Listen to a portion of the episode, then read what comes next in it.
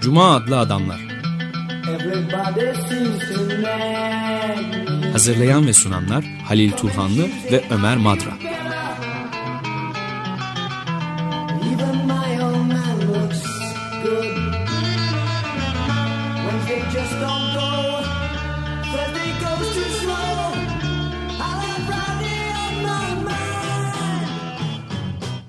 Merhaba Halil, hoş geldin. Teşekkürler, hoş bulduk. Stüdyoda bir konuğumuz var. Profesör Ali Akay. Birkaç gündür de duyuruyoruz zaten bu programı. Ee, sanat emeği, kültür işçileri ve pratikte başlıklı bir derlemeden yola çıkarak derleyen Ali Artun bir de ön söz yazmış. Bu derlemedeki yer alan yazılarda bazı kavramlar var. Onları açıkmaya çalışacağız. Ve bir de sanatın evrimi, geçirdiği bir evrim var. O bu konuda da sorularımız olacak Sayın Ali Akay'a. Hemen Hoş baş... geldin Ali. Hoş bulduk merhaba. Şimdi çok bilinen bir şeyle başlayalım. Şiler'in çok uzun zaman önce estetik yaratıcılık ve oyun arasında bir ilişki kurmuştu. Fakat artık bunun e, böyle bir ilişkinin koptuğu, günümüzde koptuğu, sanatın bir oyun oynamaktan çıkıp da bir üretime dönüştüğü söyleniyor. Kültür endüstrisinde böyle bir şey oldu savunda Adorno. Yani kitle için yapılan bir tür Fordist üretime de denk düşen, tekabül eden bir şey. Gerçekten böyle bir dönüşüm oldu mu? Sanat bütünüyle özelliğini yitirip metallaştı mı? Bir de çok iyi bir benzetmesi var Ali Artun'un. Sanatçının atölyesinin artık fabrikaya dönüştüğünü ve Andy Warhol'un stüdyosuna fabrika demesinin de çok anlamlı olduğunu söylüyor. Şimdi tabii birinci soru Adorno. Ben e, Adorno'yu çok seviyorum fakat kültür endüstrisi veya sanatlardan bahsettiği zaman çok yakında duramıyorum. Çünkü e, bir sosyolojik problemi var galiba burada. Yani e, sosyologlar çoğu zaman e, sanata e, kendi branşlarından baktıkları için ne olduğunu çok iyi takip ettiklerini görmüyorum diyeyim. Çünkü oyun e, ve sanat e, en başından itibaren sanatın yani e, ritüel olarak sanat yapıldığı andan itibaren şamanlardan beri e, zaten bir oyun olarak bir ritüelin kendisi bir oyun. Yani şamanların Yakutça'daki şamanın karşılığı Türkçedeki bildiğimiz oyun. O J U N yazılıyor. Oyun olarak okunuyor. E, yani şamanlar oyun oynuyorlar. Taklit ediyorlar. Hayvan kılığına giriyorlar. Ritüeller e, bütün bunların içinde. E, pagan dönemi, Hristiyan döneminin almış olduğu Avrupa'daki şeyler, formlar yahut Türkiye'deki bu Ahmet Yesevi'nin kuş olması, uçması, şamanizm ve işte Alevilik arasındaki ilişkiler yani bütün bu e, semavi dinlere geçmeden evvel yeraltı faaliyetleri, şamanların çünkü e, hareket yeri yeraltı, e, bu e, gökyüzüne çıkış e, insanlıkta tarihinde sonradan gelen bir şey, semavi dinlerin ortaya çıkmasıyla ortaya çıkan bir şey. Yeraltı dünyası e, ve yerüstü dünyası, semavi dünya aynı zamanda bir oyun dünyası aynı zamanda. Ritüeller oyunla alakalı. Sanat dolayısıyla modern sanatlara bakarsak aslında en başından oyun dünyası. Yani Marcel Duchamp'ın yaptıklarına baktığımız zaman hani bir tane e, pisuvarı yahut e, şişe taşıyıcısını alıp onu bir şey değiştirip, fonksiyon değiştirip onu bir başka obje haline koyduğunda oyun oynuyor aslında. Yani animik sinema dediği şey o dönen rondlar, rondolar. E, bütün bunlar oyunun parçası. Dolayısıyla yani e, sosyoloji veyahut bazı sanatçılar e, e, emek dünyasıyla e, praksis dünyasını yani poezisle e, praksisi e, ayırdıkları zaman çünkü ayrı, ayrı değiller bunlar. E, yani Nikomak'ın etikasından biri, Platon'un yaptığı bir, e, Platon diyorum, Aristoteles'in yapmış olduğu büyük ayrımdan beri e, bu e, günümüze kadar gelen bir büyük bir problem diye düşünüyorum. Ee, İkinci soru. Efendim? İki, iki, yani dikotomik bir şey. Evet ayırıyorlar yani. Ayırıyor. Halbuki bu ayrım yani hem mesela Marx'ta mesela e, değil mi? Baktığımız zaman e, praksis ve e, şey e, poezis e, kimi zaman çok yerde birleşiyor. Yani e, performatif olmaya başlıyor. Felix Guattari e, sürekli bir şekilde sanatın e, estetize edilecek olan hatta psikanalizin e, bilimsel bir şey değil. Freud'un yaptığı gibi bilimsel bir dünyaya ait değil. Tam tersine e, sanatsal dünyanın poezisinin içinde olduğunu hep söylemeye çalıştı ve laborda yapmış oldukları deneylerde işte Gerard Uri ile 1950'li yılların sonu 60'lı yılların başlarında kurumsal analiz diye bir şey ortaya attıkları zaman yaptıkları şey e, oyun oynatmaktı şey oradaki şizofrenlere, otistlere. E, Jean e, Fernand Deligny aynı şekilde Fransa'nın güneyinde otist çocuklarla çalıştığı zaman onlarla oyun oynamaktaydı. Çizgilerini e, oluşturmaktaydı çocuklar ve büyük bir yaratıcılık hali aynı zamanda. Bu yani siyaset aynı zamanda dediğimiz zaman yahut emek dünyası e, oyundan ayrıldığı zaman e, artı değer çıkıyor. Onun için evet ikinci şeye geçmeden ben de bu konuda bir şey bir ufak parantez açayım biraz da bilgi yeni edindiğim bilgilerden satma fırsatım olsun. bu kuzenlerimiz en yakın kuzenlerimiz olan Neandertallerle ilgili yeni pek çok buluş ortaya çıkıyor durmadan yeni yaptığı sanatlar filan. Ee, çok yeni bulunmuş olan birkaç yıl önceki bir şeyden bahsediliyordu. Elizabeth Colbert yazıyor son kitabında altıncı büyük yok oluş kitabında. Ee, böyle bir mağarada e, akıl almaz sarp bir yerde ve ancak böyle şeyden geçilebiliyormuş. Yani sırt üstü yatarak korkunç karanlık bir mağarada tek tek sürünerek girilebilen bir mağarada üstelik ateş yakan bir elinde şey meşale tutup gene de duvarları boyamışlar ee, ve tamamen şeyden de bahsediliyor şimdi biraz spekülasyon mudur değil midir bilmiyorum ama o alevlerin ışığında da oynayan figürler bir çeşit sinema, sinema. oyununu da meydana getirdiler diye. Kuzenlerimizi pek böyle aptal ve geri görme eğilimiz de var. Eğilimimiz de var ama homo sapiens'in Neandertallerde de tamamen aynı şeyin o tıpkı işte Lascaux ya da Altamira mağaralarındaki gibi o mağara resimlerin her yerde aslında oyunla karışık olduğunu e, söylemek mümkün herhalde. Ben de aynı zamanda okumak. tehlikeli bir oyun çünkü e, yeni çıkan bir kitap var. Türkçe'ye çevirdiler. Metis yayınları tarafından yayınlandı. Hepimiz yamyamız diye Claude Lévi-Strauss'un yazılarının e, olduğu bir e, kitap. Burada e, Kuzey Amerika'daki yerlilerin e, bazılarının hangi kabile olduğunu hatırlamıyorum şimdi ezberinde yok ama e, bunlarda e, heykel yapanlar ve e, resim yapanlar var ve bunların yaptıkları şeyleri kimsenin görmesinin imkanı yok. Görüldüğü zaman bu eserler çünkü çok kutsal şeyler olarak bakılıyor bu sanat eserlerine e, öldürülüyorlar kadınlar, çocuklar veya adamlar olsun e, yani katlediliyorlar çünkü şeyi gördüler, gerçeği gördüler. Yani Tanrı'yı görmenin yani o e, temsil edilemeyenin e, başlangıcını evet. belki hani o eski bizim e, yaban diye baktığımız, yerli diye baktığımız yahut kuzenlerimiz diye baktığın söylediğin şey yani e, ilk insanlar falan e, bizim kadar akıllıydılar herhalde. E, pratikleri yani Claude Lévi-Strauss'un dahiyane buluşu yani e, değişik zihinsel e, fonksiyon etme işlemleri var e, bu insanların. Bizim gibi düşünmüyorlar belki. Kendi rasyoneliteleri var ama. Yani e, tarih e, hep ilerleyen bir tarih diye öğretildi bize ama yani çok e, iyi biliyoruz ki çok uzun zamandan beri en azından. Bunu en iyi de e, şeyler aslında bu çözdüler galiba. Antropologlar çözdüler, etnologlar çözdüler. Arkeoloji bunun arkasında kaldı. Çünkü Göbekli Tepe'yi bulduklarında ancak galiba böyle bir şey evet, okudum çünkü. Evet. E, tarihin ilerlemeyen e, bir şey olduğunu anlayabildiler. E, onlar için şey lazımdı herhalde. Çok kanıt bir e, 12 tane tablet lazımdı ki hani Zodiac'ı görebilsinler. evet. E, yani başka bir mantık var tabii. İkinci soruya gelirsek. E, fabrika. Şimdi e, sanat e, bireysel olan bir e, çalışma diye bakılıyor hep değil mi? Yani gidiyor resim yapıyor, heykel yapıyor, malzemesini alıyor, kendi başına yapıyor diye. E, hem modern sanatlar diyelim yani Rönesans sonrası, Batı'nın e, modernitesi içinde Rönesans sonrasındaki atölyelere bakarsak, hem de zannediyorum ki bu mağara resimlerinde de aynı şey var. Çünkü bunlar e, Levi Strauss da öyle yazıyor. Ressamlar ve heykeltıraşlar diyor çoğul kullanıyor. Yani tek başına bir ressamdan bahsetmiyor. Yani bu insanlar e, aralarında konuşuyorlardı herhalde. Aralarında fikir teatrisi yapıyorlardı. E, belki e, daha iyi e, yontan, el yontan biri eli yapıyordu da kafayı portre yapan biri belki yapıyordu. Yani Rönesans'ta çünkü bu çok var. Ustalar e, ana figürleri yapıyorlar. Arkayı şeye bırakıyorlar. Atölyelerindeki e, diğer çıraklara veya, veya başka ustalara belki gidiyorlar. başka ustalara. Çünkü o iştiraklar da ustalar çünkü yani adlarını bilmiyoruz unuttuk belki ama onlar da ressamlar da. Hani nasıl dönemlerde bir sürü insan var ve e, bazıları kalıyor bazıları moda oluyor tekrar geri geliyor falan filan. Onun gibi Rönesans'takiler de belki ustalardı yani. Bunu çok iyi bilmiyoruz şu anda. Ama yani usta olmasalar bile ressamlar bunlar ve kolektif çalışılıyor. Şimdi bugünkü e, sanat malzemelerine baktığımız zaman yani e, videoya bakalım. Mesela videoda ne var? E, bir görüntü yönetmeni var. E, kameraman var. Sinema gibi bir şey çünkü. Sinemadan gelen bir şey video. Başından itibaren sinema ile alakalı bir şey. Melbourne işlenen şey Etienne Jules Etienne Maray'ın başlangıcından itibaren hareketli imaj. Yani Bergson'un felsefesi diyelim Deleuze'ün sinema kitabında.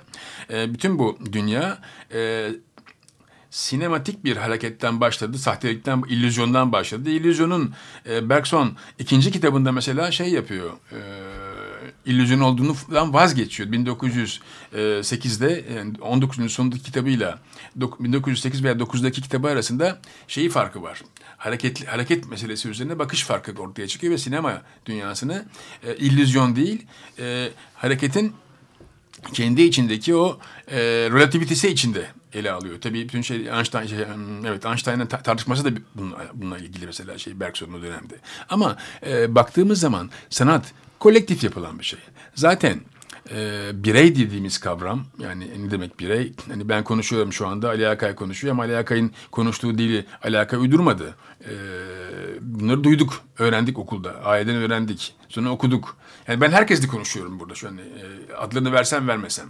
Ressamları konuşuyorum. E, öğretmenimi konuşuyorum, ilkokul öğretmenimi konuşuyorum, anaokulu konuşuyorum. Yani ben bir kolektifim tek başıma birey olarak. Yani bu fikre alışmak lazım. E, ikincisi e, tek başına bile olsak kolektiviz. Üçüncüsü e, yeni sanat teknikleri, yeni sanat yapma biçimleri, yeni poezisler e, kolektifler zaten. Yani uzmanları var hep. Aynı demin anlattığımız gibi Rönesans ressamlarında olduğu gibi. Ses e, konuyor. Ses, ama sesçiye ihtiyaç var. E, ama bunu yöneten de biri var. Yani e, Andy Warhol olabilir, e, X olabilir, e, şu olabilir. Bugünkü bir sürü sanatçı e, atölyelerinde e, şeylerinden çalışıyor, asistanlarla çalışıyorlar. Problem burada e, üretim tabii e, sanatçıların isimleri büyüyünce, e, fiyatlar yükselince yetiştirme problemi diye bir şey başlıyor. Şimdi yetiştirme problemi ikinci bir konu. Bu e, soruyla alakası olmayan bir problem. O da e, ne zaman bir sanatçı yetiştirmeye başlamıştır o zaman zaten bitmiş, e, durmuş mu? Ölü, ölü bir sanatçı o. Yani yaşamış olması önemli değil. Ölüyor, beyni ölmüş oluyor çünkü sadece üretiyor artık. Yani bütün bir e, performatif gücü, Hı. düşünce gücü yok oluyor. Sadece e, ister o kendi yapsın yahut başkası yapsın artık fark etmez. Çünkü yaratıcılık bitmiş vaziyette. Ürün çıkmış ortaya. Üründen ister 80 bin tane çıksın fotoğraf çoğaltması gibi, ister 10 tane çıksın edisyonlarda olduğu gibi. Çünkü 10 edisyon bugün orijinal sayılıyor e, galeri dünyasında, sanat dünyasında, koleksiyoncu dünyasında değil mi? E, onlarda olduğu gibi yani e, çoğalma, çoğaltmadaki problem e, içeride 100 kişinin, 20 kişinin çalışması değil, sanatçının üretimindeki yaratıcılığı terk etmesi. Yani beynini öldürmesi. Evet yani şeye de bir saniye daha dön, dönebilirsek tekrar o mağara resimlerine işte başta Lascau'da, Altamira'da, Dordogn'da ya da adını unuttum şimdi bu Neandertallerde çıkan hepsi çok başarılı ayrıca da orada da bir kolektif üretim olduğu e, aşikar çünkü muhakkak bazılarının ışığı tutması lazım ve proporsiyonlarda da farklılıklar filan da görünüyor. Yani birisinin yönetiyor da olması lazım. Üstelik de yani bir kişinin zor sığacağı bir yere bir de ışıkçıyı ışıkçıyı sığdırmaları gibi ilginç üretim şeyleri çoğul, çoğul üretimin izlerine de rastlanıyor sanıyorum yani. Şimdi bir soru daha sanatın günümüzde kapitalist üretimi bir parçası olduğuna da dair bir başka delil. E, günümüzde pek çok şirketin e, logolarını, tasarıma çok önem verdiklerini, bunlar içinde sanatçıları istihdam ettiklerini, çalıştırdıkları söyleniyor. Bu sanatın tamamen şirket e, kapitalizmi içinde boğulduğunun kanıtı mıdır? Ya da sanat sadece göstergelerden ve sembollerden mi ibaret oldu? Onlar mı öne geçti? Nasıl değerlendiriyorsunuz? Yok öyle bir e, geçiş olduğunu düşünmüyorum, sanmıyorum da çünkü bunu e, başka türlü icra eden yığınla sanatçı var. Ama e, şöyle bir şey var. Son 20-20 yıldır diyelim hani kabaca söyleyeyim belki daha da fazla 30 yıla kadar gidebiliriz. Baktığımız zaman reklam dünyasının e, sanatçıları çok takip ettiğini fark ediyoruz. Yani ben bunu aşağı yukarı bir 20 yıldır e, hem e, Fransa'da olsun, Batı'da olsun hem burada olsun e, takip ettiklerini izleyebiliyorum. Çünkü sanatçıların yapmış oldukları bazı eserlerin e, benzerlerini veyahut aynısının kopyasını vesaire e, reklam dünyası kullanıyor, iletişim dünyası kullanıyor. İletişim dünyası bugün tabii e, para dünyasına en yakın olan e, gruplar oldukları için e, ve pahalı e, değerler ürettikleri için yani e, yaptıkları şey bir şey değil ama yani o fiyatı yüksek bir e, değer üreten bir e, şey sektör reklam dünyası. Çok büyük rakamlar söz konusu. E, öyle olduğu için de e, ön plana çıkıyorlar. Yani bugün şimdi sanat sanat dünyasına baktığımız zaman e, üzücü olan bir sürü şey var tabii. Yani üzücü olan mesela benim için e, Bienal gibi, e, Documenta gibi büyük e, sanatın ne, ne yapmakta olduğunu bize gösteren büyük organizasyonlarda galerilerin ve koleksiyoncuların e, devreye girip müdahale etmeye başlamaları. Yani öyle ki e, Documenta'da bile bir Amerikalı galeri e, kendi sanatçısını empoze edebiliyor. Empoze ettiği gibi oraya soktuğu gibi para veriyor çünkü. Çünkü büyük bir para problemi var Avrupa'nın. Yani Avrupa'da olan şeyler e, daha çok bunlar. Ama bütün dünyada biyeneller var bugün ama hepsinin e, küçük küçük para problemleri var. E, dünya krizi içindeyiz. Her ne kadar sanatlar e, ön plana çıkmış olsa bile, kültür dünyası ön plana çıkmış olsa bile bir para problemi var. Kamusal para problemi var. Bakanlıkların problem, problemleri var. Dolayısıyla bazen boyun eğmek zorunda kalan şeyler kalıyor. Çalışanlar oluyor. Organizasyonu yapanlar oluyor. Bu bazen devlet, kimi zaman özel şirketler, kimi zaman başka bir şey falan filan ama çok da önemli değil yani e, kamu kurumu ile özel kurum arasında bu anlamda e, fark bu anlamda şeyden beri biliyoruz yani değil mi? Hani Ömer hatırlarsın e, 1970'li yıllarda e, Marksistler şeyi keşfetmişlerdi. Hani devletçi kamu e, sosyalist rejimlerinin e, daha fazla kolay bir şekilde hatta e, para yiyip e, korrupt olduklarını e, fark etmişlerdi. Yani evet. devletçi ekonominin yürümediğini fark etmişlerdi o zaman. Daha kolay devlet memuru az para kazandığı için daha kolay bahşiş alıyorlar. Evet. Yani özel veya kamu olması önemli değil. E, ama problem e, nasıl boyun eğmemek lazım?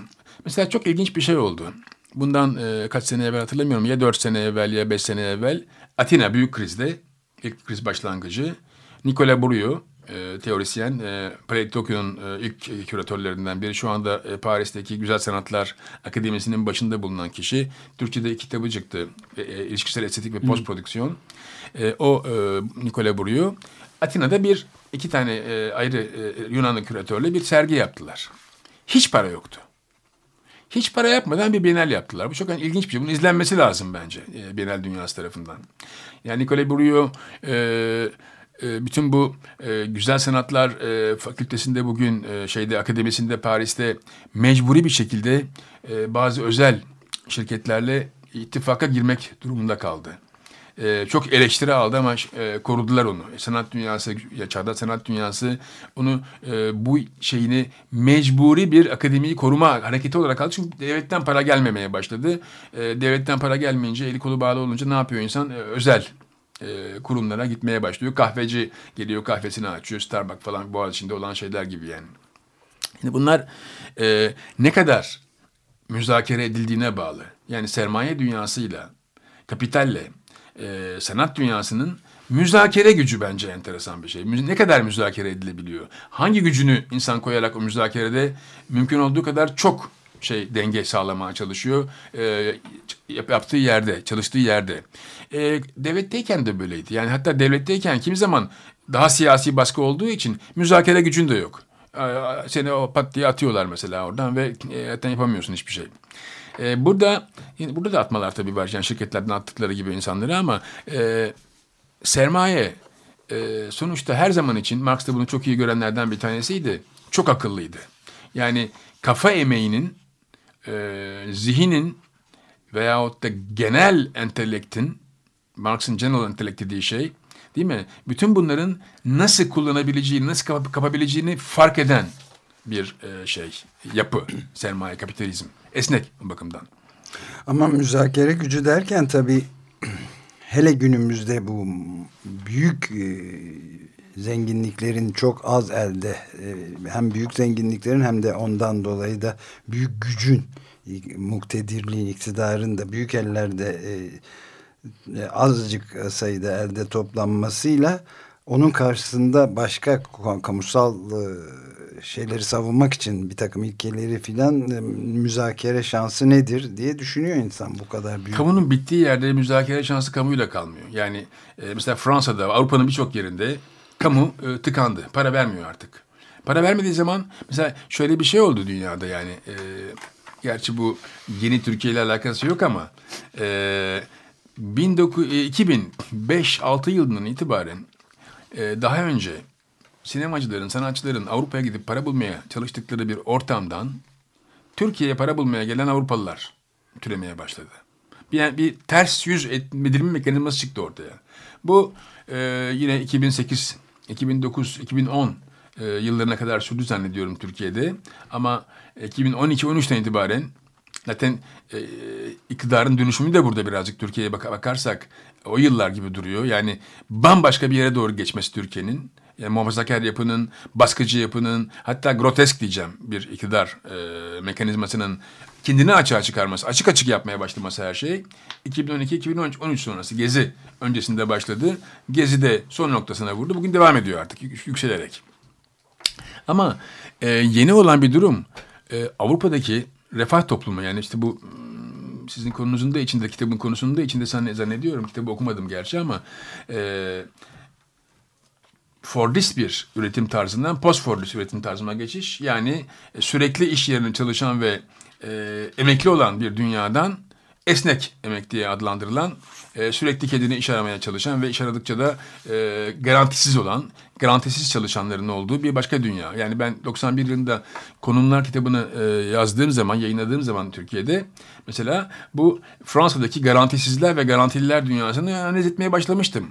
Çünkü e, 80'li yıllar içinde yapmış olduğumuz zamanki şeyler, e, okumalar, tespitler vesaire 95 grevlerini belirledi mesela Fransa'daki. Ve Pierre Bourdieu'nun 95 grevleri sırasında entelektüel olarak ortaya çıkarak bir Sartre, bir Foucault gibi ortaya çıkarak e, Lyon'daydı galiba. Lyon'daki e, şeylerin e, tren yolu işçilerini desteklemesi ve devletin, kamunun e, ulus devlet şeklinde yeni baştan örgütlenmesi için çaba harcaması Bourdieu'nun e, bu garantisizlik meselesi üzerine o, o, o, oturmaya başladı.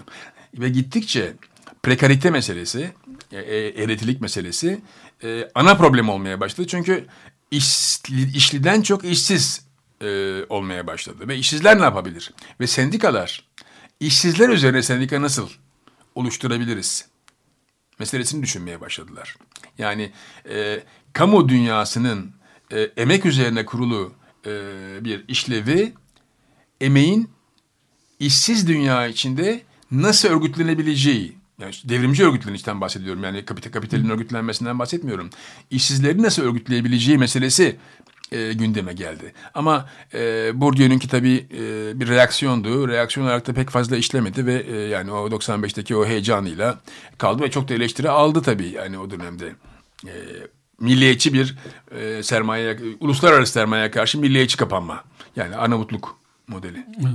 Evet, bu buradan da belki prekarya evet. kavramını herhalde konuşmak evet. iyi olabilir. Sen soracak mıydın? Prekarite. Alt başlığı zaten e, kitabımızda kültür işleri ve prekarite. Siz bahsettiniz biraz ama açalım onu. Ne e, okuyucular, dinleyicilerimiz mutlaka bilmiyorlar. Büyük bir çoğunluğu bilmiyordu. Şimdi yani e, çok özet yaparsak 30-20-30'lu yıllar Batı dünyası Fordist diye adlandırılan bir e, üretim biçimi e, şekli, e, kapitalist üretim biçimi içinde bir üretim modeli diyelim. E, tam istihdamlı ve işçilerin ne yaptığının belli olduğu bir e, emek dünyası. Ve bu emek dünyasının sendikaların e, oluşmasıyla birlikte yani oluşturulmasıyla birlikte yani büyük mücadeleler verildi tabii bunun için refah toplumu Keynesyen modelle birlikte yani ücretlerin e, biraz daha yükseltilip refahın arttırılmasıyla tüketimin e, e, şey yapıldığı, örgütlenildiği e, bir e, model, denge modeli. Yani e, ezmeyeceksin, e, biraz şey popülist diye popülist bir ekonomi diyordu buna Korkut Poratap Türkiye'de 1970'lerde e, Demirel hükümetini o zaman anlatıyordu. Yani e, devletin sübvansiyonlarıyla e, sermayenin vermiş olduğu arka değerden e, işçiye vermiş olduğu ücretin sübvansiyonu daha fazla yukarı çıkartılıp bir e, tüketim modeline geçebilmesini sağlamak.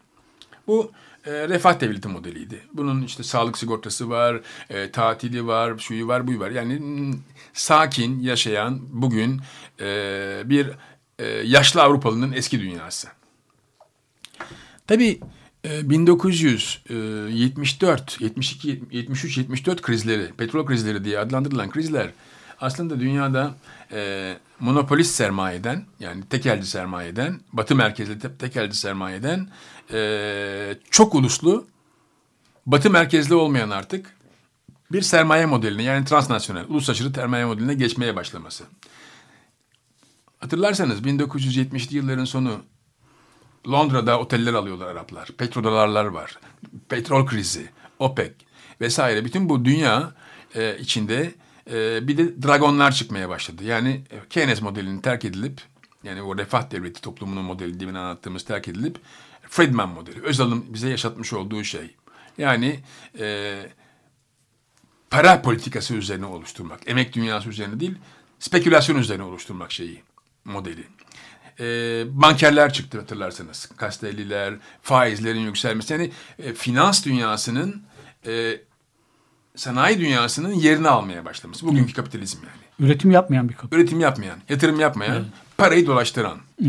Nerede emek e, ucuzsa oraya giden, oraya kısa vadeli yatırımlarla her an çekilebilecek bir tür e, neokolonyalizm gibi bir şey. Yani e, artık oraya asker yollamıyor ama e, siyasetçiler, batılı siyasetçiler Afrika'yı, e, Latin Amerika'yı veyahut da Asya'yı hükümetlerle kendilerine bağlıyorlardı.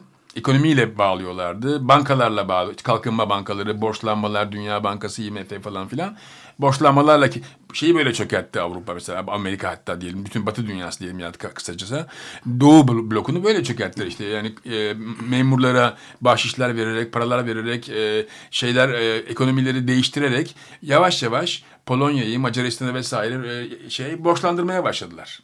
E, Dünya Bankası'na ve IMF'ye boşlanma başlayınca ayaklanma başladı sonunda çöktü bu rejimler. Evet ve hiçbir şey de yani devletin herhangi bir kamu yararına da bir müdahale regülasyonu Hiç, da tümüyle çok kaldırdılar. Hatta Başta Şili de başladı işte bu şok doktrini dediği. Şili'de, Allende. Yani, Allende ile başlayan bir şey. Zaten Friedman modelinin başlangıcı. Friedman, evet. Chicago çocukları da bizzat orada Chicago kitabını da çıkarmışlar evet. zaten. Yetiştirmişler darbe gününe yani uygulanacak. Belki bunu konuşmaya devam etmeden önce bir ara verelim mi? Yarım saatimizi aşağı yukarı doldurduk. Ali Akay'la konuşuyoruz. Ve elimizde de sanat emeği diye kültür işçileri ve prekarite alt başlığı olan e, Ali Artun tarafından derlenmiş ve sunulan e, iletişim yayınlarından çıkmış bir kitap var. Onun üzerinden çağdaş ve tarih, tarihten beri sanatın durumunu konuşuyoruz. Her şeyi konuşuyoruz aslında. Ve ara vermek üzere e, Johnny Mitchell'e kulak verelim. Chelsea Morning adlı şarkıyla.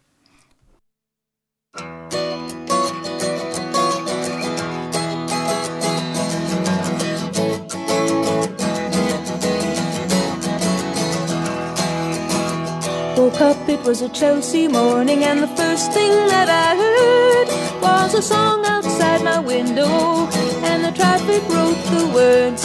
It came a ringing up like Christmas bells, and wrapping up like pipes and drums.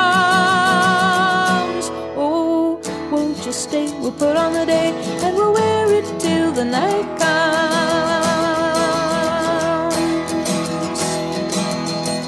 woke up, it was a Chelsea morning, and the first thing that I saw was the sun through yellow curtains and a rainbow on the wall.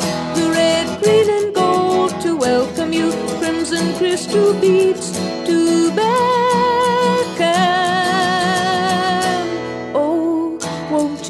We'll put on a day. There's a show every second.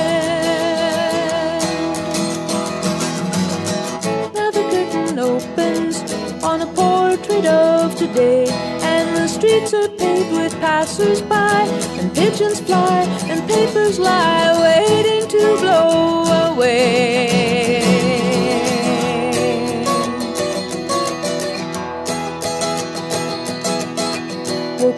Was a Chelsea morning, and the first thing that I knew, there was milk and toast and honey, and a bowl of oranges too. And the sun poured in like butterscotch and stuck to all my senses.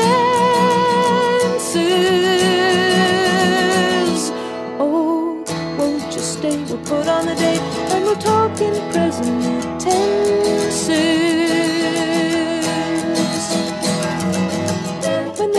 Closes and the rainbow runs away, I will bring you incense owls by night, by candlelight, by jewel light, if only you will stay. Pretty baby, won't you wake up? It's a Chelsea morning.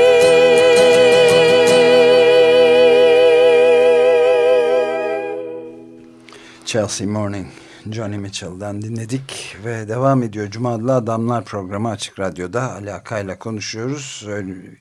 Kalkış noktamızı oluşturan kitapta iletişim yayınlarından yeni yayınlanan Ali Ertuğ'un derleyip sunuşunda yaptığı Sanat Emeği adlı kitap.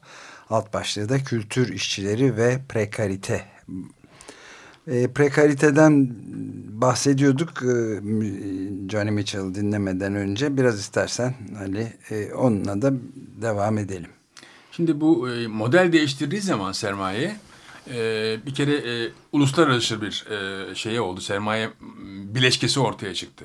Bunun nedeni de e, batıdaki tabii fiyatların e, emek gücünün yükselmesi, ücretlerin yükseltilmesi vesaire vesaire bunu karşılayamaz hale gelen bir e, kamu sektörü ve özel sektör çıktı ortaya ve Asya'ya doğru kaydılar bunlar. Ve bütün bu Asya dragonları çok enteresan bir şekilde Brodel'in kitabı var bir tane Dinamik du Kapitalizm diye, Kapitalizm Dinamiği diye. Orada diyor ki 79 yılında çıkan bir kitap e, Atlantik artık e, sermayenin merkezi olmaktan çıkmıştır diyor. Pasifik'e gitmiştir. Yani Asya dünyasına Japon meselesi burada geliyor ve Toyotizm diye bir şey çıkıyor o sıralarda yani 70'li yılların sonunda. Bu e, esnek şeyin başlangıcı. Yani postfordistten önce bir Toyotizm diye bir şey. Özal bahsederdi burada Toyotizmden. E, 1980'li yıllarda hatırlıyorum. E, yani Özal bizim tecrübemiz bu esnek emeğe doğru geçiş, prekariteye geçişin aslında bizim yaşamış olduğumuz çok büyük bir tecrübesi diye ben düşünüyorum. Yani dünyada her ülke bu kadar yaşadığım tecrübe bilmiyorum ama Batı dünyası yaşamadı. Onu biliyorum çünkü orada çok oturdum. E, preker olmaya başlamak demek e, aslında biyopolitika ile alakalı bir Evet. şey, mesele. Yani e, sürekli bir şekilde e, kontrol edilen ve sürekli bir şekilde kontrol edilirken de kendine sabit bir yere bulamayan insanların e, değişken yerlerde, değişik yerlerde o meslekleri öğrenip öğrenip o mesleklerde bir e, çalışma dünyasının içine girmeye başladı. Yani şöyle bir şey vardı Fransa'da. E, en güzel örnek belki budur. E, tanıdığımız insanlar da bunu yaptılar. E, mesela kameramanlık kursuna gidiyor. Kameraman oluyor. Ondan sonra gidiyor e, kapıcılık kursuna gidiyor atıyorum yani. Kapıcı oluyor. Ondan sonra gidiyor e, ses teknisyenliği kursuna gidiyor. Tek ses teknisyenliği oluyor ama bulduğu işler böyle 10 günlük, 20 günlük, bir aylık, iki aylık. Sonra tekrar işsiz. Ama eğitimi de kısa süreli eğitimler. Kısa tabii bunlar formasyon kontinü, kontrol kontinü diye bir şey var. Yani sürekli eğitim, sürekli denetim toplumları bunlar. Evet, buna böyle dolayısıyla da be- belirsizlik hakim Belirsizlik oluyor. Yani uçurum kenarı. Yarın ne olacağı Ama hiç belli öyle bir değil. şey yaptı ki e, medya ve iletişim dünyası bunu bir e, başarıymış gibi sunmaya Evet. başladı. Yani sen hala aynı yerde misin? Sen hala aynı kocayla mı evlisin? sen hala orada mı çalışıyorsun? Yani başarısızlık bir yerde kalıyorsa insan başarısız demektir. Demek transfer olmamış. Transfer futbolcular gibi transfer dünyası. Ve transfer dünyası başlayınca e, arada bazen insanlar yaşlanıyor, performansı düşüyor falan filan. Hemen atılıyor kenara ve en büyük örneği de galiba IBM o çocukların oyun şeylerini e, pratik eden çocukların oyun dünyasını kafalarındaki zihinleri 12-13 yaşlarında alıp 16 yaşında emekliye ayırıyorlar. Çocukların korkunç yüzlerindeki şey değişiyor. Yaşlanıyor çocuklar yani. İki sene içinde çünkü uyutmuyorlar bunları. Devamlı onların şeyini, zihinleri sömürülüyor. Dolayısıyla bir zihin sömürüsü dünyası çıktı ortaya. Yani prekaritenin sanatla birleştiği yer, Evet. yani sanatın bugün kültür dünyasının sermaye tarafından ilginç bulunması sanat dünyasında çalışanların sanatçı olsun, küratör olsun, e, ışıkçı olsun, şu olsun, bu olsun, e, dansçı olsun vesaire zaten kendi yaptıkları mesleklerin preker olmuş olması. Yani bu vida çevirmeye benzemiyor. Belirsiz, evet. Yani yaratıcılıkla alakalı bir şey. Yaratıcılık her an yapılabilecek bir şey değil. Döloz'un bir lafı vardı. İnsanın hayatı boyunca bir tane fikir aklına gelirse bir şanstır. Yani e, yani insandan her an bir şans bekleniyor ve o şans da hayatı boyunca her dakika olmayacak tabii ki. Hemen onu atıp başkasını almak yerine. Yani bu eğreti dünya sanat dünyasına sermaye bakımından çok uydu. Sermaye bir anda kendini kültür dünyasının içinde buldu ve bugün en çok e, yükselmekte olan sektör kültür sektörü şu anda. En çok istihdam, yap, istihdam yapılan yer kültür sektörü olmaya başladı. İşte yaratıcı şehirler, e, inşaatlar, e, tiyatrolar, operalar, müzeler falan filan, galeriler. Bütün bu insanların e, çalıştıkları alanlar garantili olmayan alanlar. Bunun çoğunun sosyal sigortası falan bile yoktur Allah bilir. Türkiye'de özellikle yok olduğunu biliyoruz ama aynı şey Avrupa için de geçerli. E, grevler yapıldı e, 90'ların sonu 2000'lerin başlarında e, şeyler için intermittent de spectacle diye adlandırılan Fransızca e, sanat çalışanları için bunların çoğu da zaten şey işçiler aslında yani dekor yapanlar, ışıkçılar, e, şeyi taşıyanlar, dekorları taşıyan sahne dekor dünyası aslında yaratıcı bir sektör değil belki ama e, onun yaratıcı kültür dünyasının çalışan dünya bu. Mesela Tony Segel performanslarında e, bunları çok kullandı. E, Philip Perrine çok kullandı. Yani bunlara hem yardım ettiler hem de onları e, bir şekilde e, kısa süreli de olsa e, sanat dünyasından maaş bağlandı onlara vesaire vesaire ama zaten olduğu gibi preker bir şey. Yani sistemin kendisi prekerlik üzerine kurulu, eğretilik üzerine kurulu artık. Evet. Peki, sanat da aynı şekilde şunu söyleyeyim. Niçin hep genç sanat, genç sanat diye bir şey çıktı son 15-20 e, yıldır? Çünkü e, gençten yeni yaratıcılık bekleniyor, yeni enerji bekleniyor. Çıkıyor mu bilmiyorum ama yani e, çok da fazla çıkmıyor galiba. Çünkü e, zihin ve akıl e, genelde çok okumalarla, beslenmelerle, büyümelerle e, buluşlar yapılıyor. Hı. Buluşlar böyle pıt diye kafadan gelen şeyler değil. Reklamcılar bunu çok yapıyorlar. Böyle geliyor havadan sanki. Peki demin e, şey, biyo iktidarla ilgili galiba prekarite. E, Lazarato derlemede yer alan yazısında e, Foucault'un biyopolitikanın doğuşundan kitabından yola çıkıyor. 18. yüzyıl liberalizmden Amerikan liberalizmine, neoliberalizme geçiş inceli. Burada biyo iktidar ve biyopolitika kavramlarının bu geçişi açıklamada, analiz etmede çok önemli olduğunu söylüyor. Bir te- kavramı daha var bunları, bütün bunları anlamak için iktidar, yönetmelik eleştirilerini anlayabilmek için dispozitif. Bu kavramları biraz açalım mı? Şimdi e, Foucault e, bir iktidarın doğuşu olsun yahut cinselliğin tarihinin birinci cildi olsun vesaire. Burada biyo iktidar ve biyo e, politika kavramlarını çok ayırmıyor. Ama daha sonra özellikle bu e, çokluk kitabından itibaren Antonio Negri evet. e, ve e, Michael Hart e, bunu iki ayrı e, şekilde kullanmaya başladılar. E, bir tanesi direnmenin odağı oldu. Bir tanesi de iktidarın odağı oldu. Zaten bu odaklar Michel Foucault'un kavramı. E, odakları ve direnme odakları. Ben Foucault kitabını yazdığımda onun adını öyle koymuştum yani e, Türkçe'de yazdığım kitapta. İktidar ve direnme odakları. Yani biri direnmenin, biri iktidarın odağı olmaya başladı. Hı hı. Ve bunların arasında altermondializm hareketi işte. E, biyo iktidara karşı biyopolitiği kullanarak nasıl mücadele edebiliriz? Üzerine e, odaklandı. Ee, yine başka bir dünya mümkün diyenler. Başka bir dünya mümkün diyenler. Yani işte Seattle'dan başlayıp Cenova'dan geçip e, Gezi'ye kadar gelen bir e, çizgi bu diyelim hala da sürmekte olan bir çizgi. Yani demin Ömer Madra bana e, iklim üzerine yapılacak olan bir yürüyüşten bahsetti Amerika'da. Bu da bunun devamı zannediyorum. Evet, evet. Yani sonuçta Gezi'de ağaçlar diye başladı. Başlayan bir hareketti ama siyasi bir hareketti. Tabii evet aynen öyle ve or, yani o önemli bir hareket çok. Belki de hayatımızdaki en önemli şeylerden biri diyeyim. 21'inde odaklı 21 e, pazar günü çok kitleler yürüyecek ama aslında belki ondan sonrası asıl onun ne şekil alacağını e, çünkü bu tamamen bir pasif sembolik bir yürüyüş olacak ama asıl talepler ondan sonra gelecek herhalde. Poliste neler olur Allah bilir. Yani bir başlangıcındayız aslında. Işte. Aslında şey konudan belki uzaklaşıyoruz ama bir şey söylemek istiyorum. Alain Corbet'in bir kitabını okudum ben biraz. Ağaçların tarihi üzerine yani gölgenin, ağacın gölgesinin tarihi. Çok ilginç bir şekilde e, hem ağaçlar çok kutsal şeyler hem o kadar kutsal ki bazen demin sanatçılar için söylemiştim Lewis Strauss'un kitabında. Alain Corbet de şeyi anlatıyor. Ağaç kesenler bazı e, dönemlerde Avrupa'da e, cezalandırılıyorlar idamla. Yani ağacı yok etmiş. Çünkü ağaç bellek. Yani meşe ağaç. Baobab mesela hiç ölmezmiş. Evet. Ölmeyen ağaç. Yani hayatın sırrını bulan şeyler yani o herkes insanların aradığı ölümsüzlük meselesi ağaçlarda var. Yani bütün tarihi yaşamış insan yerler, e, canlılar, varlıklar. Biz varlık diye bakmayıp onları kesip e, kitap yaptığımız zamandan itibaren bugün apartman yapıyoruz artık onunla kitaplar bile yok artık yani. E, kutsallığı aslında doğanın kutsallığını çiğniyoruz.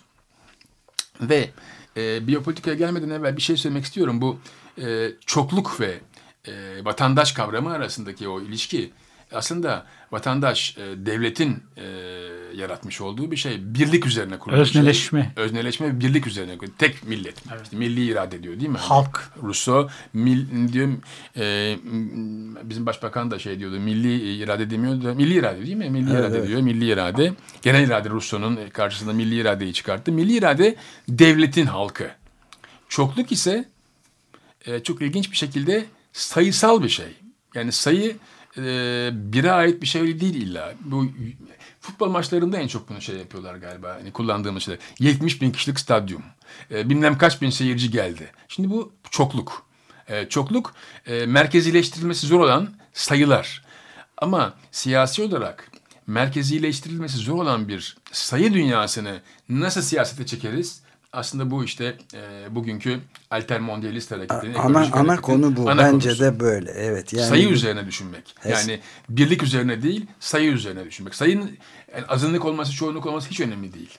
büyük bir çeşitliliği de içeri barındıran bir büyük harekete doğru gidiyor. Bu sayı meselesi hayatı Birlik geride kalan bir şey. Evet.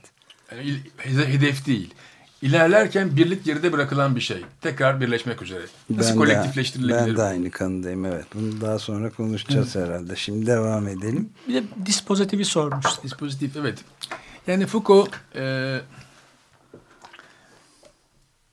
arkeoloji e, kavramı ve e, soy kütüğü kavramı, jeneoloji kavramını e, kullandığı zaman e, bütün bir tarihteki kopukluklar üzerine e, düşünüyordu. Dispozitif kavramını e, kullandığı zaman bir düzenleme yani bir ter- tertibat diye Türkçe'ye çevriliyor galiba. Yani en azından öyle olması gerektiğini düşünüyorum. Ama dispozitif diye bırakılıyor bazen de galiba. Çünkü dazan gibi bir kelime. Yani tercüme etmesi zor bir şey. Nasıl bir düzenleme içinde, bir e, tertibat içinde ayrı ayrı olan noktalar birbirleriyle e, birleşirler ve ilişkiye girerler. Kim kimden e, ilişki içine girmektedir. Dispozitif bu ilişkinin e, şeysi, e, dünyası analizi. Yani bir tür yöntem. Bu ilişkiler arasındaki yani iktidardaki veyahut e, e, direnmedeki insanların arasındaki demin söylediğim belki müzakere diyebiliriz. Bu e, müzakerenin nasıl e, birbirleriyle e, ilişki haline girerek beyinsel ilişki haline girerek Gabriel Tard'ın kavramı yani ne diyor e, Tard e, beyinler arası ilişkinin e, şeyi yoktur ücreti yoktur. Olamaz. Çünkü bu e, copyleft gibi yani. E, copyright'ta saklıyorsun kendine ve kendine aittir ve para kazanıyorsun. Ama aklın beynin beyin ilişkisinin ya şu anda yaptığımız şey için e, konuşuyoruz ve mm, hoşumuza gittiği için konuşuyoruz yahut da diyelim bunları. E, bunlar e, emek dünyasından çok praksis dünyasının emekle karşılık bir içte girdiği an o. Yani e, sanatçının yaptığı, entelektüelin yaptığı, bilim adamının yaptığı şeyler. Bir tür performatif, edimsel olan, e, nihayilenmeyen, bir ürüne dönüşmeyen ama benden çıkan bir fikrin Ömer'e gitmesi, Ömer'den çıkan Halil'e gitmesi, Halil'den dinleyiciye gitmesi gibi birbirinin içine giren e, interserebral diye bir kavram kullanıyor Gabriel Tart. Beyinler arası bir şey. İlişki zihinler arası, beyinler arası. Bu ilişkiyle birlikte bir tertibat nasıl düzenlenebilir? Nasıl e, tertibat sayesinde biz e, direnmenin e, boyun eğmek yerine yahut da teba olmak yerine yahut da özne olmak yerine yahut birey olmak yerine bireyselliğimizi oluştururuz. Tekilliğimizi oluştururuz yani. Kolektif olan benliğimizi oluşturabiliriz ve nasıl birbirimizden faydalanabiliriz ortak bir şekilde. Ee, yani burada e, şeyin e, ikili karşılıkların yani semekmiş, sermayeymiş veyahut da e, kafe yemeğiymiş, kola gibi e, ikili ö, devletinmiş, özelinmiş gibi bütün ikili karşılıkların dışında nasıl bir e, şeye sağlayabiliriz? Birbirimizle ilişkiye geçerek yaratı sağlayabiliriz. Yani poezis beyinsel bir şey, zanaatsel bir şey değil. Ee, yani Foucault'un tertibat kavramını, Agan ben başka yerlere çekiyor ama ben Foucault'un tertibat kavramını bu şekilde e, örnekleyebileceğimizi düşünüyorum. Demin sayılarla ilgili bir şey diyecektin galiba. Yok yani söyledim yani bu sayılar meselesi e, hayati önem kazanmaya başladı şimdi. Onu söyledim. Yani. Demin e, sözünüzde özne kavramını Foucault'u açıklarken özne biraz biz e, yüceltiyoruz o kavramı. Foucault'da farklı bir anlam var. Biraz da onu açalım. Şimdi e, özne ve özneleştirme. çeviriyorlar. Tabiyet şimdi. ilişkisi Ferda. Keskin çeviriyor e, Hermenötik Düşüce kitabını. E, Öznenin Hermenötiği diye. Orada e, Foucault bana kalırsa e, çok önemli bir şey yapmakta. Yani bütün bir e, Grek dünyası, eski Yunan dünyasının içindeki ekollerin, bunların çoğu bilgelik ekolleri, bilgelik ekollerinin bize geliştirmiş olduğu yaşlanınca ne yapacaksın, cinsel olarak ne yapacaksın, yemek ne yapacaksın falan gibi şeylerin dışında Foucault Stütülyer diye bir kavram kullanıyor. Ee, bu kavram bana çok ilginç geldi çünkü Foucault'un aslında derdi o galiba. O çılgınca bir şey. Yani yarını belli olmadan şu anda e, ne yaparsam yapayım ama istediğimi yapacağım hareketi. Yani e, vücudumu koruyacağım, e, midem ağrımayacak, yaşlanınca rahat öleceğim falan filan gibi şeyler olmak Yarın dışında- kaygısı duymuyor. Yarın kaygısı ama e, bu delilikle alakalı bir kavram. Deleuze mesela e, şeyde e, Fark ve Tekrar kitabında bunu çılgınlık olarak e, kullanıyor. E, bir delirium anı gibi. Ama e, Foucault orada zannediyorum bütün bir Yunan felsefesini ters yüz eden bir e, küçük bir şeyden bahsediyor. Bu kitabın içinde bir şey söylüyor. Foucault bu komik e, bir örnek. E, Özne'ydi bana e, bize açıklar gibi geliyor. Özne e, birey gibi başında olduğumuz bir şey değil. Diyor ki Foucault, insan herhalde ölürken özne olur. Yani e, demin söylediğimiz e, sanatçılar için eserlerinin yaratıcılık halini bitirdikleri zaman e, özne olmaya başlıyorlar ve e, satıyorlar ve işte üretiyorlar falan filan. Özne en olunmaması gereken şey. E, Tamamen için, olumsuz anlamda. Çok olumsuz bir şey. Yani özne olmak demek e, her şeyini kaybetmiş olmak demek. Ya teba olmak demek her şey. Sanata da teba olmak. Sermayeye de e, emek dünyasına da. İlginç. Evet. E, Foucault'un bazı şeyleri ters yüz yaptığını gösteren kavramlardan bir tanesi. Bu şey de mesela çok ilginçti. Ee, Yunan dünyası içinde enkorporel, e, cisimsiz meselesi. Yani Foucault şeyde hapishanenin tarihinde hepimiz şey biliyoruz değil mi? Beden var, bedenin içinde ruh var. Ruh uçuyor gidiyor falan filan. Ruh enkorporel stopacılarda çünkü bedenin dışını çev- çevreleyen şey. İlk darbeyi ruh alır diyor. Sonra e, ete gelir. E, ru- ruh e, bedeni hapseden şey.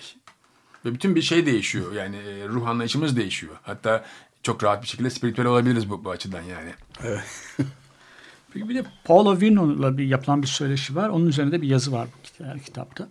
Ee, Virno, Horkheimer ve Adorno'nun kültür endüstrisi e, onlar e, Fordist e, üretime tekabül ettiğini e, söylüyorlar. Virno burada ters yüz ediyor bu düşünceyi ve post-Fordist üretimin e, bazı ipuçlarına hatta başlangıcını görüyor burada.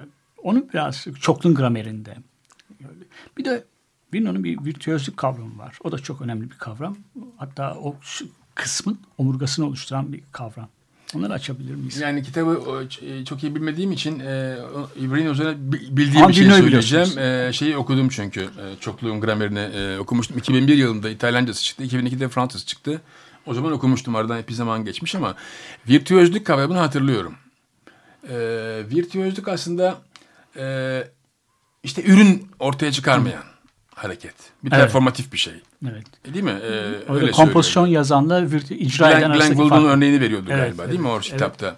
Ee, yani Glenn Gould'u ters örnek olarak veriyordu hatta orada hatırladığım kadarıyla. Çünkü e, bir balerin, bir e, soprano, bir performans sanatçısı diyor hatırladığım kadarıyla anında bir şey yapmakta. Evet. Praksis İz bırakmayan. Yapmakta. O praksis poezis praksis aynı zamanda. Çünkü demin söylemiş olduğumuz gibi e, sanatsal ve e, siyasal bir şey aynı zamanda yapılmakta orada. Ama Virno şunu söylüyordu diye hatırlıyorum. E, böyle bir şeyin yapılması için evde olmaması lazım. Kamusal alan lazım bunun için ve en azından seyircileri lazım. Evet. Bu çok veya üç kişi de olabilir seyircisi. Ee, bunu gerçekleştiren kimse virtüözdür diyor. Ve virtüözlük üzerine Glenn Gould'u ters örnek olarak verdiğini hatırlıyorum yanılmıyorsam. Ee, o çünkü e, kamu önünde konserler vermek yerine stüdyo kapanıyor. Plaklar e, çıkartıyor, e, kaydettiriyor orada ve onları ürün diye ortaya koyuyor. Bütün bir virtüözlükten ürün çıkartan bir şey çıkıyor. Sanatçı çıkıyor karşımıza. Çok ilginç tabii bu. Sanatsal e, bir performatif bir şey olarak e, ilginç bir şekilde ürün haline dönüştürüyor performanslarını. Bir de şey var ama e, Baden-Baden'de 1970 veya 71 yılında e, adını şu anda hatırlayamayacağım ama şeyleri gördüm. E, yaptığı programları gördüm. Bir televizyon programı yapmakta Almanya'da. Ve o programda da land art yapanları, arazi sanatı yapan sanatçılarla birlikte gidiyor çekimler yapıyor. Robert Smithson'dan vesaire onlarla gidiyor ve çekimlerini yapıyor. Çekimlerini televizyonda gösteriyor. Ve de onları ürün haline e, sokuyor. Yani Glenn Gould'un yapmış olduğu virtüözlük meselesini aynı şekilde bu e, Alman e, televizyoncu yani 70'li yıllar televizyon herhalde çok ilginçti. Yani bugünkü televizyon ne kadar e, seyredilmeyecek bir şeyse 70'lerde de o kadar eğitici, öğretici hatta yaratıcı bir dünya. Ben şeyi hatırlıyorum. Türkiye'de bile yani İsmail Cem e, TRT'nin e, genel müdürüyken mesela biz değil mi e, ilk defa e, deneysel Türk filmlerini seyrettik. Evet. E, Halit Refik'in veyahut Metin Erksan'ın e, şeylerini hala benim e, aklımda o filmler yani. E, böyle 20 Olay da olmuştu onlar sonra. Olmuştur. Yayından da kaldırılmıştı. Olmuştur çünkü yani böyle bir şeyin bu kadar deneysel bir şeyin kamuya açılması ve gösterilmesi devrimdir yani. evet. Hakikaten. Evet, evet. Ee, nasıl ki Fransa'da Sosyalist Partisi geldiği zaman e, özel televizyonlarla birlikte e, kamu televizyonu tartışma programlarını açarak herkesi konuşturduysa bir meşhur e, Polo'nun pro- programını hatırlıyorum 81 veya 2 yılda yığınla insan çağırıyor ve bir kaos, kaos çıkıyor şeyde programda. Herkes bir ağızdan konuşuyor ve böyle sabaha kadar yani bunu şey yapmak istedi e, Ali Kırca e, Türkiye'de e, 90'ların Siyaset başı meydanında değil dışında ama yani çok kontrollüydü, çok e, düzenliydi, çok merkezileştirilmişti. Dolayısıyla olmadı, çöktü tabii ki. Orada yasaklandı program sonunda. Yani Sosyalist Partisi yasakladı çünkü büyük bir kaos e, ortaya çıkardı. Yani medya, işte geçenlerde de konuştuk bunu hani Berardi ile e, Radyo Ali'si konuşurken. Yani medya e, akıllı şeyleri verdiği zaman, akıllı insanlar etraflarına yaydığı zaman şey genişliyor. Genel intelekt genişliyor. Genel zeka genişliyor. Ve Türkiye'nin de dünyanın da problemi genel zekanın yok olması artık. Ahmaklaşması Evet yani mi? çocuklaştırılma, genel zekanın e, yok olması vesaire evet. ve dolayısıyla korkunç siyasi e, partiler yönetmeye başladılar dünyanın her yerinde. Evet Berardi ile de aslında kapatmak iyi bir fikir olabilir radyoyla ve dünyanın ahmaklaşmasıyla ilgili. Yani gerçek bir embesilite durumuna Felix Guattari hep diyordu çocuklaştırılıyor toplumlar Evet. diyordu. Ve hakikaten bir sürü şımarık e, dünya var. Şeyler de şımarık. Yani e, oy, oy, oy veren insanlar da şımarıklar. Giderim gitmem onu atarım bunu atarım kararsızım bilmem ne. Ve kamuoyu şirketleri de bu e, siyaseti yönetiyorlar. Yani e, Ulus Baker'in çok güzel bir şeysi var. Kanaat toplumu diyor. Kanaat toplumu haline geldi herkes. Yani düşünce toplumundan çıktı. Şirket toplumu bile değil. Kanaat toplumu oldu. Ya bunun çok kısa bitiyor ama süreyi geçiren çok hoş bir örneğine de bu Nick Clegg var ya Liberal Demokrat Parti'nin işte biraz showman olan bir adam aslında. Ee, bir radyo programına katılmış çocuklarla da konuşma var programın içinde. 9 yaşındaki bir çocuk program yani okuldaki sınıfta Nick Clegg'le başbakan yardımcısıyla konuşma dersi var. Fakat Nick Clegg bunun farkında bile değil. Çocuk e, bir soru soruyor. Okula verdiğiniz bu yemekler berbat, sağlıksız filan diye konuşunca sen niye okulda değilsin, nereden arıyorsun filan diyor. Tamamen tamamen dağılmış vaziyette Nick. Sonra sen ne kadar akıllı bir çocuksun filan diye durumu kurtarmaya çalışıyor. Tam bu aklıma geldi yani. Anlattığın şeyin tipik bir örneği. Şeyde dağılıyor. Radyo e, konuk olan adam radyo programını yapan ev sahibi de dağılıyor. Nereden çıkarttınız bu çocuğu filan diyor. İşte virtüözlük böyle bir şey. Çocuk mükemmel sorular sormuş zaten adama. Evet bitirirken Ali Akay çok teşekkür ederiz. Ben teşekkür ederim. Ee, Dinosaur Junior'dan bir parçayla bitiriyoruz Out There diye. Senin söyleyecek soracağın Yok. bir şey var mı Ali? O zaman kapatabiliyoruz programı. Out There'le hep, hepinize günaydın.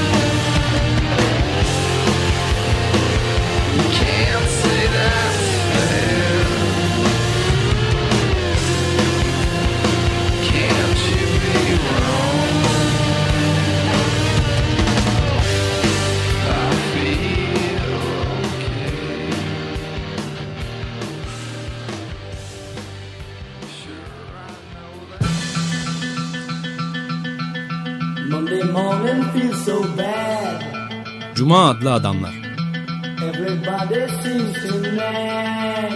Hazırlayan ve sunanlar Halil Turhanlı ve Ömer Madra.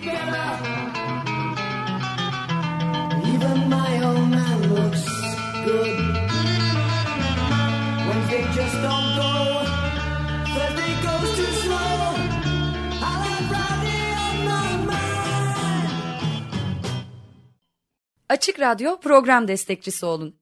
Bir veya daha fazla programa destek olmak için 212 alan koduyla 343 41 41